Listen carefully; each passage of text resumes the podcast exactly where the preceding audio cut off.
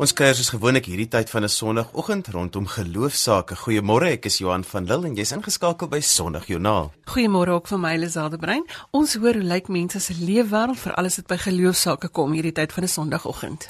Met die fokus op huwelike die maand gesels ons vanoggend met Christie en Melanie Tirion oor hulle huwelik en hoe hulle dit maak werk. Renay Beson ondersoek 1 Korintiërs 13 en Charlie Petersen gesels oor die gevolge van 'n afwesige pa. Ons gesels ook met Hilton Maurice, 'n pa wat ten alle koste in sy kinders se lewe teenwoordig was, en pastoor James McKay gaan vir ons inspireer vir die week wat voorlê. Sondagjoernaal is 'n potgooi beskikbaar op die webwerf by rsg.co.za en dan is daar natuurlik ook die DStv se audiokanaal 813 waar jy ons ook kan kry. Gesels gerus saam op die SMS lyn 34024 natuurlik teen R1 per SMS.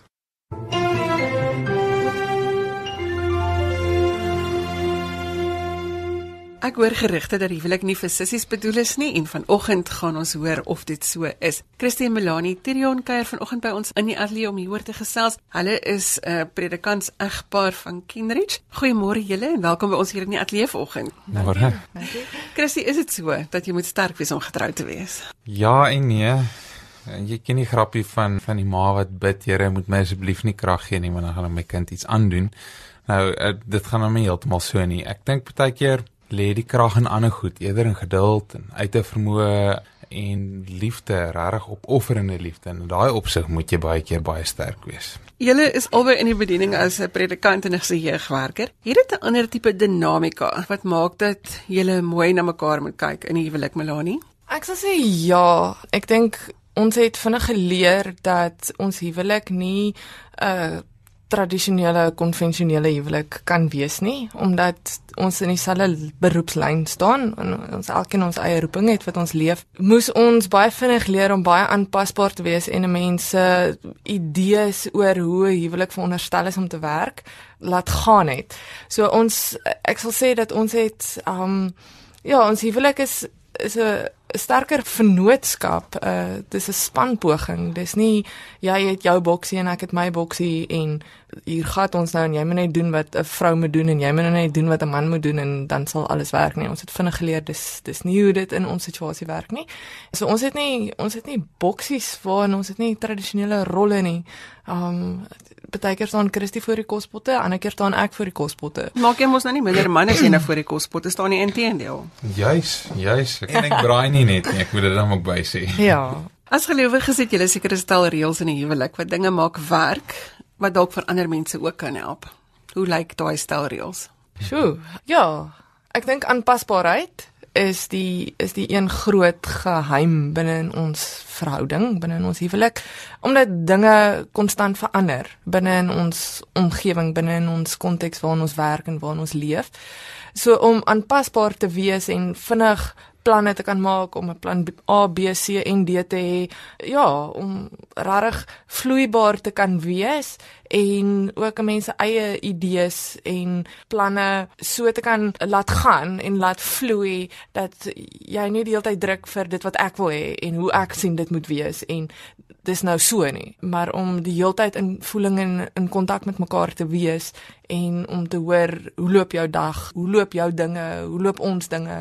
So vir my is aanpasbaarheid en om vloeibaar te kan wees, flexible te kan wees, ja. Christie? Ja, mooi praat.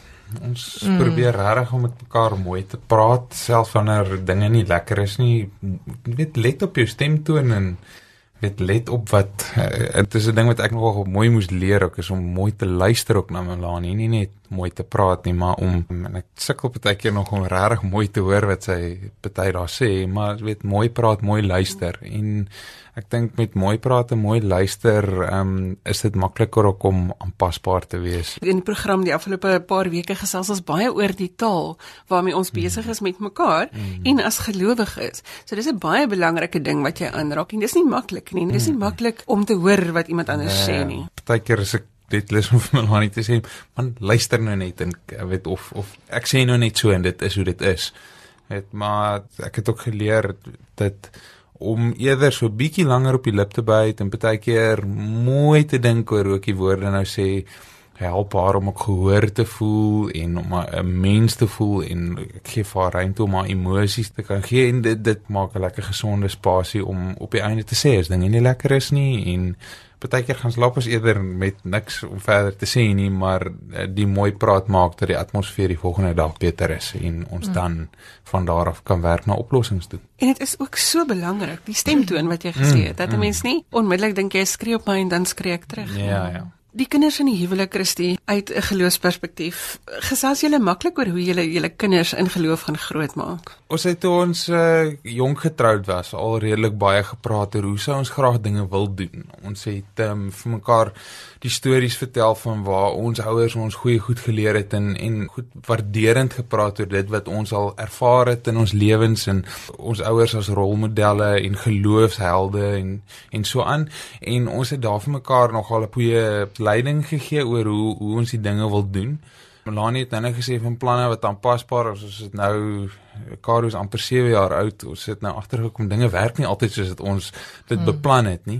En daarin moet jy ook aanpasbaar wees. En die aanpasbaarheid is weer eens om konstant met mekaar te bly praat. Ehm um, ons het op hierdie oomblik nie vreeslike huisgodsdiens as mense so sê nie, maar ons maak vreeslik moeite daarmee om weet met ete saam met ons kinders te bid en ontbyt bid ek vir Karo en ons seën haar vir die dag en so aan. En in die aand baie keer ons het um, baie lekker gaan slaap tradisies een van ons gaan lê saam met een van die kinders en ons hoor dan wat was lekker mm. wat was goed en waarvoor dank ons die Here? Jy weet so ons ons ons probeer regtig om die dag te begin en te eindig in die kinders se lewe wêreld en om hulle ook te help sien maar Jesus was by jou So ons ons het nie vaste vaste goed nie. Dis meer breë beginsels en daai breë beginsels help ons om om met ons kinders ook as as gelowige ouers te kan werk. Melanie, en die verhouding tussen julle verander tog seker ook met die dinamika van kinders in die huwelik. O ja, O ja, daar's mos hierdie een ding wat sê ek wil nie graag slaap soos 'n baba nie, ek wil net graag slaap soos my man. en met met 'n kleintjie, klein Zia is nou nou eers 2 jaar oud. So die druk van klein kinders in die huis eis maar tol op mense as ma ook, omdat jy maar die primêre versorger is van die kleintjies. So ek moes leer om mooi na myself te kyk en my eie spiritualiteit en my eie verhouding met die Here wat ook moes verander in die tyd wat die kinders gekom het dat my daaglikse stilte tyd het maar vir 2 jaar amper in die hek geduik en ek moes ander maniere kry om om my koneksie met die Here aan die gang te hou en te versterk en ook net toe te laat dat hy my kom verras op maniere. Hmm. Um, want mense dink altyd ja, ek moet my verhouding met die Here aan die gang hou terwyl dit eintlik nie iets is wat van my afkom nie, maar dit is dis hy wat my die gawe van geloof hmm. gee, so hy hou dit in stand. So om om dit raak te sien en dan ook dan my verhouding met Christus om met tye te kan sê, weet jy, kinders gaan slaap nou net vroeg vanaand ek wil vir 'n slag warm koffie saam met jou pa drink. Hmm. Ah, ja, dat mense ook in daai verhouding by ja, mekaar kan. Ja, dat mense in daai verhouding by mekaar kom. Kinders eis baie van 'n mens, maar om om balans te kry en om net ook die die vreugde wat die kinders in 'n mens lewe ten spyte daarvan dat dit harde werk is. Ehm um, die die vreugde wat die kinders ook in ons verhouding indra.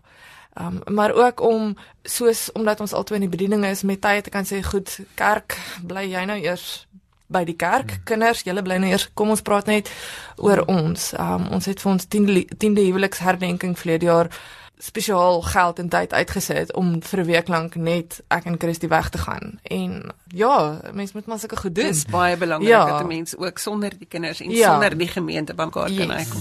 As ek vir julle kan vra om die gesprek saam te vat, elkeen van julle Christie, gee ons 'n sin waarmee ons die week kan ingaan as gesinne en as miskien as huweliksmaats. Hmm. Hoe gaan ons hierdie week sorg dat ons bymekaar uitkom? My basiese filosofie is om 'n goeie man en 'n goeie pa te wees, moet ek 'n goeie disipel wees. En ehm um, met my disipelskap met Jesus, my tyd saam met hom is is ding nommer 1 en ding nommer 2 fyn te luister oor hoe hy wil hê ek moet leef saam met my vrou en my kinders. Melanie, ek dink miskien as 'n uh, besige ma en wat voltyds werk, ontspan. Moenie so hard wees op jouself nie. Die Here is in beheer, selfs wanneer jy beheer verloor en om te vertaal wat Melanie gesê het is haal asem. Daar's dit. Dis nodig dat mense asemhaal. Baie dankie dat julle by ons gekuier het, Melanie en Christy Terion. Dankie dat julle ook bereid was om om julle hart van julle huwelik met ons te deel. Net 'n voorreg. Dankie. Dankie. Lisel het gesels met Christy en Melanie Terion van die NG Gemeente Kenridge oor hoe hulle hulle huwelik maak werk. As jy sopas ingeskakel het, sê ons goeiemôre. Dis Sondagjoernaal saam met my Johan van Lille en Lisel de Bruin. Ons gesels vanoggend met Renée Bason. Sy werk dikwels met huwelike, paartjies, gesinne en sy sluit vanoggend per telefoon by ons aan om te gesels oor 1 Korintiërs 13 en hoe dit op die huwelik betrekking het. Goeiemôre Renée. Goeiemôre Lisel. Renée, 1 Korintiërs 13 in terme van die huwelik.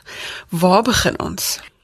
Weet jy, sommer reg aan die begin as ehm um, Korintiërs 13 begin met sou ek tale van mense en engele praat, ek het nie die liefde nie. En weet jy in ons in ons huwelike werk het ook so. Sou ek voor 'n skare staan en 'n skare kan roer, maar ek kan nie met my maat praat nie, kan nie na my maat luister nie. Dan help dit nie roer hierdie skare nie, want die belangrikste persoon met wie ek 'n verhouding het in my huwelik, kan ek dit dan nie nie dieselfde voordoen nie. So hoe maak ons 1 Korintiërs 13 nou prakties van toepassing in die huwelik? Ek dink as ons daar begin en ons gaan kyk waar hy sê hoe die liefde nie is nie. Hy praat van die liefde is nie jaloers nie, die liefde handel nie onregverdig nie, die liefde is vriendelik. Om dit in jou huwelik te gaan toepas, dat jou maat die eerste persoon is wat dit van jou sien, die vriendelikheid van jou kry, nie die jaloesie nie. Dat jy jou trots as jy presteer, jou trots dan nou stil sal dra vir wanneer jou maat daarop aanspraak maak want ons kan nie bereik wat ons bereik in 'n huwelik as ons nie ons maat se ondersteuning het nie. En baie keer wil ons so, jy weet, groot wees in dit wat ons reg gekry het. Feit van die saak is sonder jou maat jy dit nooit reg gekry nie. Dat jou maat dan kan trots wees op jou in plaas van dat jy alles vir jouself hou. As ons kyk na die liefde handel nie onwelvoeglik nie. Die liefde tree nie op dat jou maat vir jou skamp kry of dat jou maat voel maar weet jy jy het my te nagekom voor ander mense. Die liefde doen dit nie. En dat ons dat ons attent sal wees hoe ons ons maat behandel voor ander mense en in die privaatheid van ons eie kamer. Dit klink weer eens vir my amper sê net maar daar is 'n ongelowige paartjie in 'n huwelik dat dit amper dieselfde waardes is waarop hulle hulle huwelik bou. Dit is net dat gelowiges dit dalk anders sal hanteer. Dit gaan verseker, verseker gaan enige huwelik nê, ook ongelowiges se huwelik gaan op dieselfde basis moet werk want dit is hoe die liefde lyk. Maar ons wat wat Christus in ons het kan soveel makliker die liefde leef omdat ons die liefde uit hom leer ken het want hy is tog liefde. Dit beteken nie dit is sommer net vir ons maklik nie want die menslike natuur is om te wees soos die liefde nie is nie. En dit is weer eens vir my weet jy altyd kom dit mos in die huwelik terug na die die voorbeeld wat Christus gestel het Korintiërs 13 sluit ook af met en nou bly geloof, hoop en liefde. En as ons nou sê ongelowiges kan die liefde deel ook hê, watter hoop en geloof het hulle as dit nie 'n ewigheidswaarde het soos dit ons dit in Christus het nie. So ons kan hoop op 'n mooi en 'n goeie en 'n gesonde huwelik en ons kan glo dat ons dit kan hê omdat ons Christus as fondasie in ons huwelik het. En dan kan die liefde verseker seëvier. En dan as hy sê die grootste hiervan is die liefde. Dan kom dit terug na die die essensie van die lewe is die liefde. Renai, daar staan ook die liefde is geduldig. En ek dink dit is nou nog 'n groot struikelblok vir baie paartjies. Verseker, die liefde is geduldig, maar weet jy, geduld is iets wat ons en ek dink veral in Suid-Afrika nogal baie keer moet leer om te beoefen, want geduld kom nie net oornag nie. Party van ons is meer ongeduldig as ander en dis iets wat ons moet oefen. Maar dit is ook iets wat ons die liefde kan ook is ook verdraagsaam. So as jou maat die soveelste keer vir jou sê, weet jy, jy moenie so ongeduldig wees hieroor of daaroor nie. sien dit as 'n wil jou help om meer geduldig te wees. So die liefde is werk maar beide kante toe ook. Jy moet aanvaar dat jy tereggewys gaan word, maar juis uit liefde sodat dit van jou 'n beter mens kan maak. Wanneer paartjies gaan vir hierdie gesprekke voordat hulle in die huwelik tree, gebeur dit baie keer dat 'n predikant vir hulle sal sê, "Ek dink nie julle twee kan in hierdie verhouding saamtrek nie." En dan ignoreer hulle dit. Dink jy mens moet eerder luister na daai klein stemmetjie wat sê, "Hierdie ding gaan nie werk nie." Hoe weet jy verseker daar's daar so baie dinge waaroor mens nie kommunikeer nie voordat jy in die huwelik tree wat dan later groot probleme kan veroorsaak en dan ja, tot tot waar dit dan waar hy huwelik binne ontbind word. En ek dink dis baie keer 'n geval van het jy dan maar geluister na beter raad om dinge uit te sorteer voordat jy trou en dalk wel later gereed was om met die die spesifieke persoon te trou. En baie keer is dit doodjevoudige geval van as 'n mens nie dom as strand was nie, het jy nie die fout gemaak nie, want die persoon was nooit vir jou bedoel nie. En verseker, jy weet, die ou mense het altyd gesê liefde alleen is nie genoeg om 'n huwelik te, te laat werk nie. Dis 'n feit. Liefde is verseker kernbelangrik, maar liefde alleen gaan dit nie doen nie. Daar's soveel ander dinge wat wat moet saamwerk om 'n huwelik te laat werk. Renée, dankie vir die samestelling vanoggend. Baie dankie dat jy so 'n bietjie 1 Korintiërs 13 vir ons hier onderstreep het. Baie dankie Lisel. Lisel het gesels met Renée Beson. Ons gesels geloofsaake tot en met die 8 uur nuus vanoggend.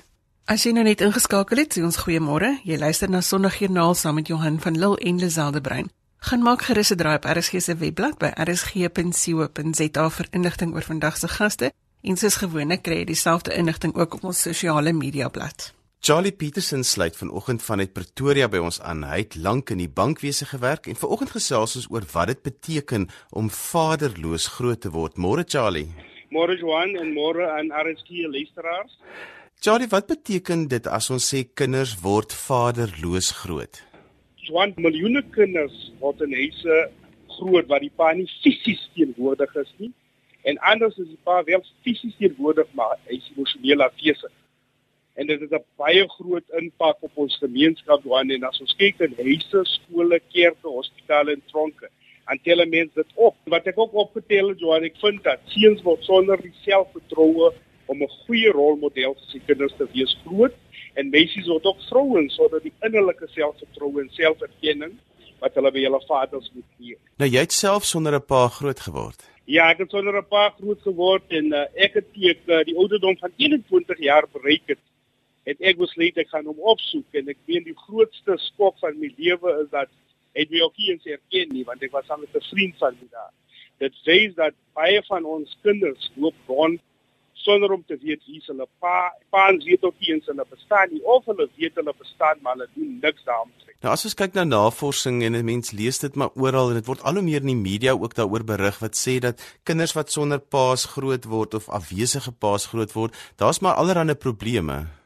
100% want ek weet ek het baie sterk 'n ma gehad wat my in lyn gebring het, maar wat ek opgetel het en wat navorsing sê dat die meeste kinders wat sonder paas groot word, al gou weg van die huis af hulle maak hulle self skuldig aan aan al die stakse goed in die lewe soos verkrachting, steel, hulle verlaat skool voor die tyd, dwelms en verslawing kom in want onthou, vir vader figuur en hy hy hand om hulle is nie daar. So hulle hulle gaan netlik die lewe in donker en dit is tragies as 'n mens na die tronke kyk dan 90% van die kinders wat in die tronke is word groot sonder vader. Charlie, hoekom is dit so dat ons in die land so vaderloos groot word? Wat veroorsaak dit? Ek dink die gebrek van God as die anker in ons lewens en en die afwyking van dat ons nie weer God voel wat as ons mooi kyk na die Bybel, né? Adam en Eva is gebore om saam te wees. En die duiwel is baie strategies dat hy val gesinne aan en as hy gesinne aanval, dan val hy die pa aan. En weet as jy die pa en die pa het, dan val die gesin uitmekaar.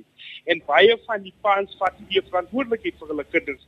En ek dink ook die dames self het ook nie weer hy self respek om te sê ek wil my behou vir my man wat voorlê behalwe mense wat kinders wat toe verkragt en al daai voete maar ek dink ons is net los en ons het al ons selfbeheer verloor en daar is nie weer verantwoordelikheid hier in ons land. Ek vind ek ook baie optel is die probleem met die tienerpaas, die paas wat nog te jonk is om regtig 'n pa te wees, hy self maar nog op hoërskool, so hy probeer ook maar nog net deur die lewe kom dan word hy al 'n pa. Dan word hy al 'n pa. Onthou, jy moet ook na sy agtergrond kyk. Hy het sonder hy het miskien sonder 'n pa groot geword. So hy weet ook nie ek weet wat hy gedoen het. Ek weet ek vat my voorbeeld. Ek weet my pa het my gemaak het weghardloop en toe ek op die ouderdom van 24 is toe te ook 'n kind gaan maak. So sê dit soos is 'n generational ding wat afkom.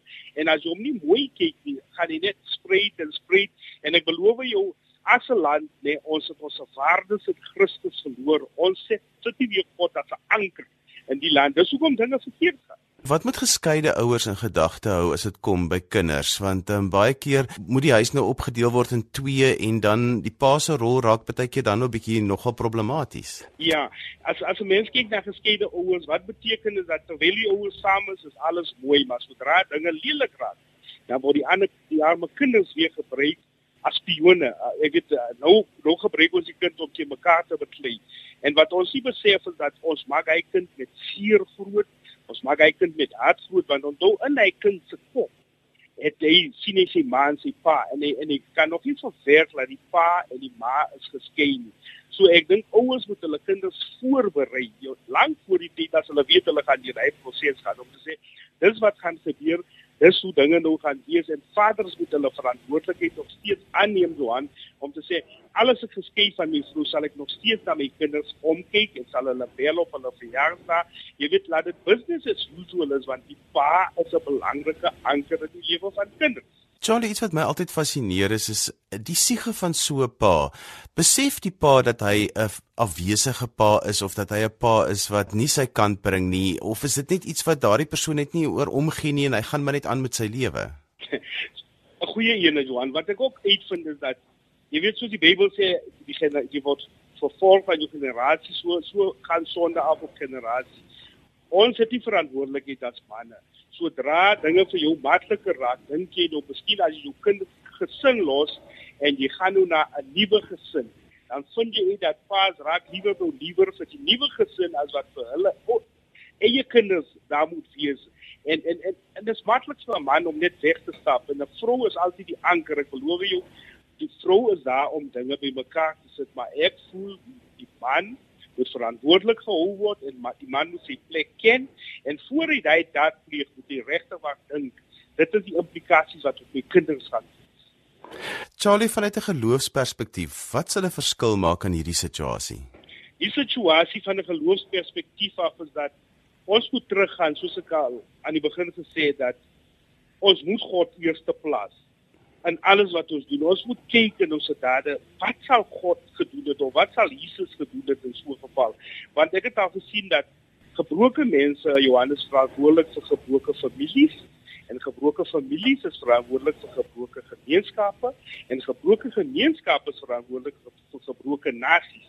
So die kerk moet ook na vore kom. Jy weet die kerk moet nie stil wees op so 'n ding nie. Ek weet ons moet dinge in plek kry die keer wat ons sê man, dit is ons moet uh, uh, uh, nie funksies ons ons programme het vir teenwoordige vaders wat 'n vader kan teenwoordig wees maar dan sy afwesig ek meen as hy aloof dan dan kyk jy nie na sy kind nie dan dan ook kyk kinders wat wat die ouers het nie in die kerk want die kerk is 'n struktuur. Ons moet so iets soos 'n mentorskap ook skep in die kerk en in die gemeenskap om sê ons weet dan nie sani uh, uh, se kind het nie 'n pa nie maar oom Bert wat 'n gesogte familie is, moet hy kan begin aanneem nie fisies nie, maar jy neem hom aan soos 'n mentorship of of of uh, wat noem mense die ander enetjie wat jy eintlik in 'n mate die skadu paas is van hy.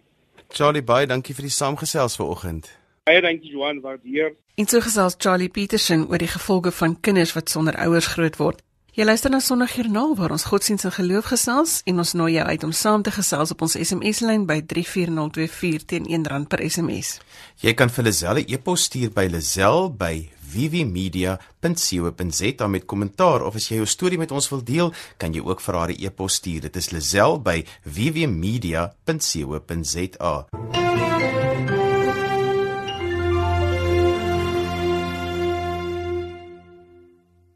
'n Pa wat wel ten alle koste teenwoordig was in sy gesin se lewe is Hilton Maurice.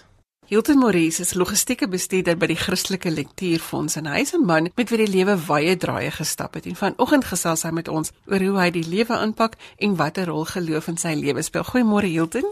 Goeiemôre Lisel, goeiemôre luisteraars. Kom ons begin by die begin. Jy is 'n pa en 'n oupa wat sy kinders en sy kleinkinders met liefde omring, maar jy het jou deel van hartseer in die lewe beleef. Ja, Lisel, so 13 jaar gelede het ek my vrou aan aan maagkanker verloor en ek moes toe uh, die kinders alleen op my eie grootmaak. Daar's 3 van hulle. Um Hilton en Nicole en Earl. Earl was toe net 7 jaar oud.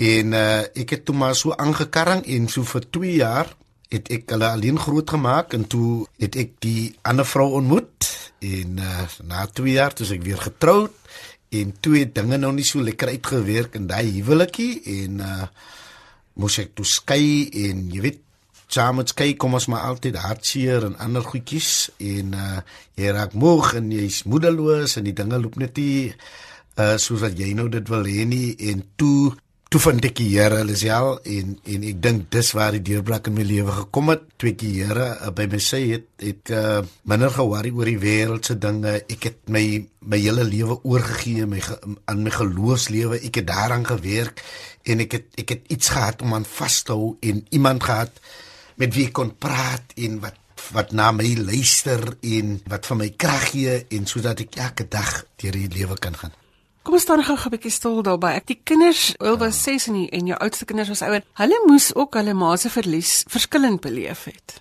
Ja, nee, dit was baie tragies geweest. Jy weet, uh, veral met die verjaarsdae en die moedersdae en dan moes ek nou instaan as pa wees. Ek moes hulle vir al moes ek uh, skool toe vat. Ek ek het net vir myself gesê ek moet net probeer laat hulle Hulle moet net die hulle skoolloopbane voltooi, hulle moet deur matriek kom en ek is die Here ewig dankbaar. Ek het vir jaar met al klaar gemaak. Dit was maar stryd geweest, maar ek moes baie oggende moes ek agterom gaan, agterom aan ry om te kyk dat hy by die skool uitkom en jy weet, dit is die stryd wat jy als moet deurgaan as jy as 'n enkel ouer moet staan. Ek ben ek kon net sowel tou opgegooi het, maar ek het, ek het net vir myself gesê nee, nee, nee, ek moet ek moet net sorg dat hulle daar deurkom voordat jou vrou oorlede is, was jy nie sonder rede gewees nie. Jy het tog kerk toe gegaan en al die dinge gedoen. Ja, nee, ons was godvreesend nog al die pad gewees, maar uh, ons is elke dag in die kerk, ons het ons bydrae gelewer, maar maar ek was net nie my hart nog vir die Here gegee nie. Ek het op daardie stadium, ek het kerk gegaan, alles gedoen wat 'n Christen uh, mens betaam, maar maar ek het nog nie my hart vir die Here gegee reg. Vertel ons van daai oomblik. Hoe het jou lewe verander? Ja, ek, na die tweede huwelik nie gewerk het nie. Ek, ek kon gaan sit en krepeer het, maar ek het besluit ek moet nou 'n besluit neem in my lewe en uh, ek het gebid daaroor en dis waar die deurbraak gekom het. Ek het uh, my hart vir die Here gegee en ek het ek het toe die lewe weer ingepak met nuwe krag en nuwe moed en ek het weer soos ek sê iemand gehad om in te praat wat vir my verstaan. En dis hoe ek by die Here uitgekom het. Nou gaan alles vir my dit verloop goed. Ek glo daaraan die Here het vir my na ek my hart vir die Here gegee het het hy my nog nooit verlaat nie en het nog nooit vir my in die steek gelaat nie. Ek kon vir hom enigiets vra en hy het dit vir my gegee. Alles het nie op die tyd wat ek het verwag het nie maar ek het gekry wat ek vir die Here vra. Het geloof 'n rol gespeel vir jou om weer met nuwe oë te kan kyk daarna om in 'n verhouding te staan? Ja, Elisel, ek het 'n persoon ontmoet wat toe reeds by die Here was en dit was ook vir my 'n motivering geweest en en ek en sy kon saam 'n pad stap. Ons kon saam 'n Bybelstudie doen, ons kon saam die Here dien. Ons ons is nou saam by dieselfde kerk en dit beteken vir my ook baie. Dit maak definitief 'n groot verskil in die verhouding. Ek wil net afsluit en dan wil ek net sê God sê vandag vir my onthou as jy weer moeg of moedeloos is, weet dat God jou weer nuwe krag sal gee. God het jou gemaak, hy ken jou. Hy weet wanneer jy hulp nodig het. As jy jou hart vir die Here gee en volgens sy wil, kan jy maar enige tyd na hom toe gaan vir krag en vermoed. Jeremia 31:25 sê: Ek gee nuwe krag aan die wat moeg is. Ek maak die moederlose weer volmoed. Hier van baie dankie dat jy vanoggend jou storie met ons gedeel het. Dis 'n groot plesier. Baie dankie Lisel.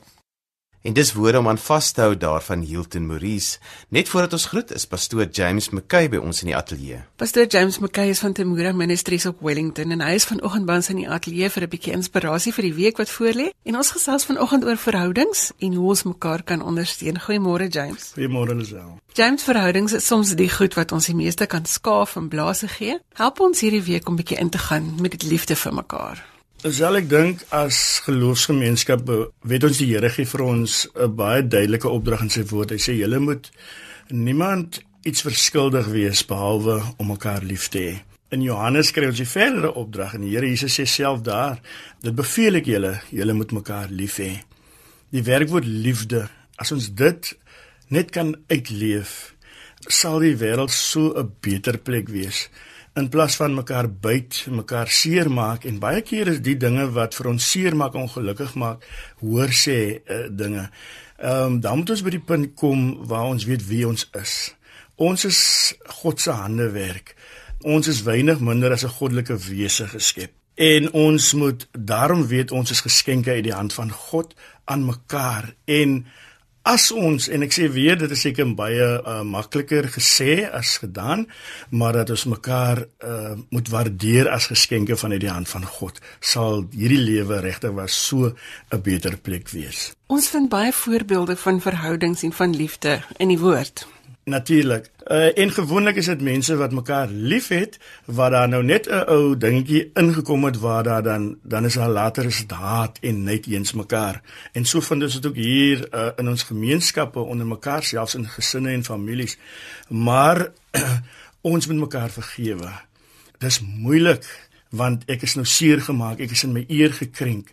Maar weet jy as ek ehm um, die verlede kan toesluit, die deure agter my van wat aan my gesê was, want baie van die goed het ek eens gehoor nie, het ek self gehoor nie. As ons aan kan beweeg en mekaar kan vergewe, soos wat Petrus uh, vir die Here kom sê, Here kan uh, moet ek 7 uh, keer vergewe? En die Here sê nee 70 maal 7 en dat 'n mens regtig moet teruggaan en en jou hand van vergifnis moet uitreik. Uit my eie ervaring so 'n paar jaar gelede wat uh, het ek verkeerde keuses gemaak uh, baie seer gekry baie veroordeel maar op grond van God se woord het ek teruggegaan.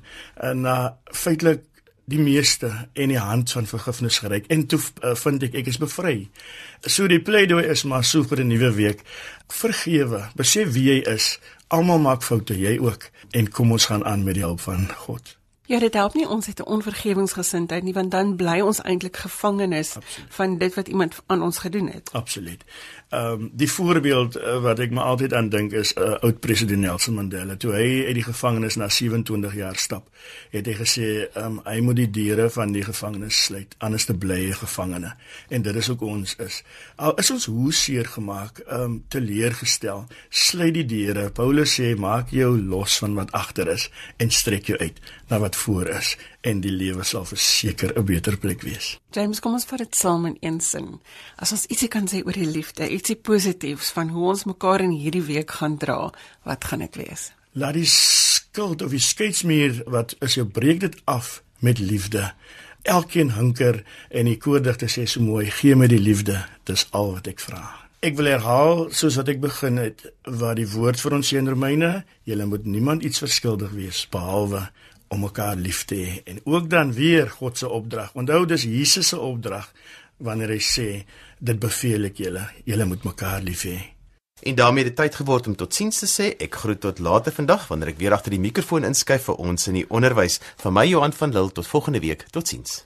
Stuur vir my 'n e e-pos met kommentaar of as jy 'n geloostorie met ons wil deel, my e-posadres is lazel.le.e by www.media.co.za. Of jy kan ook vir ons 'n boodskap stuur deur die webwerf by rsg.co.za. Ek groet tot volgende Sondag. Tot dan. Totsiens.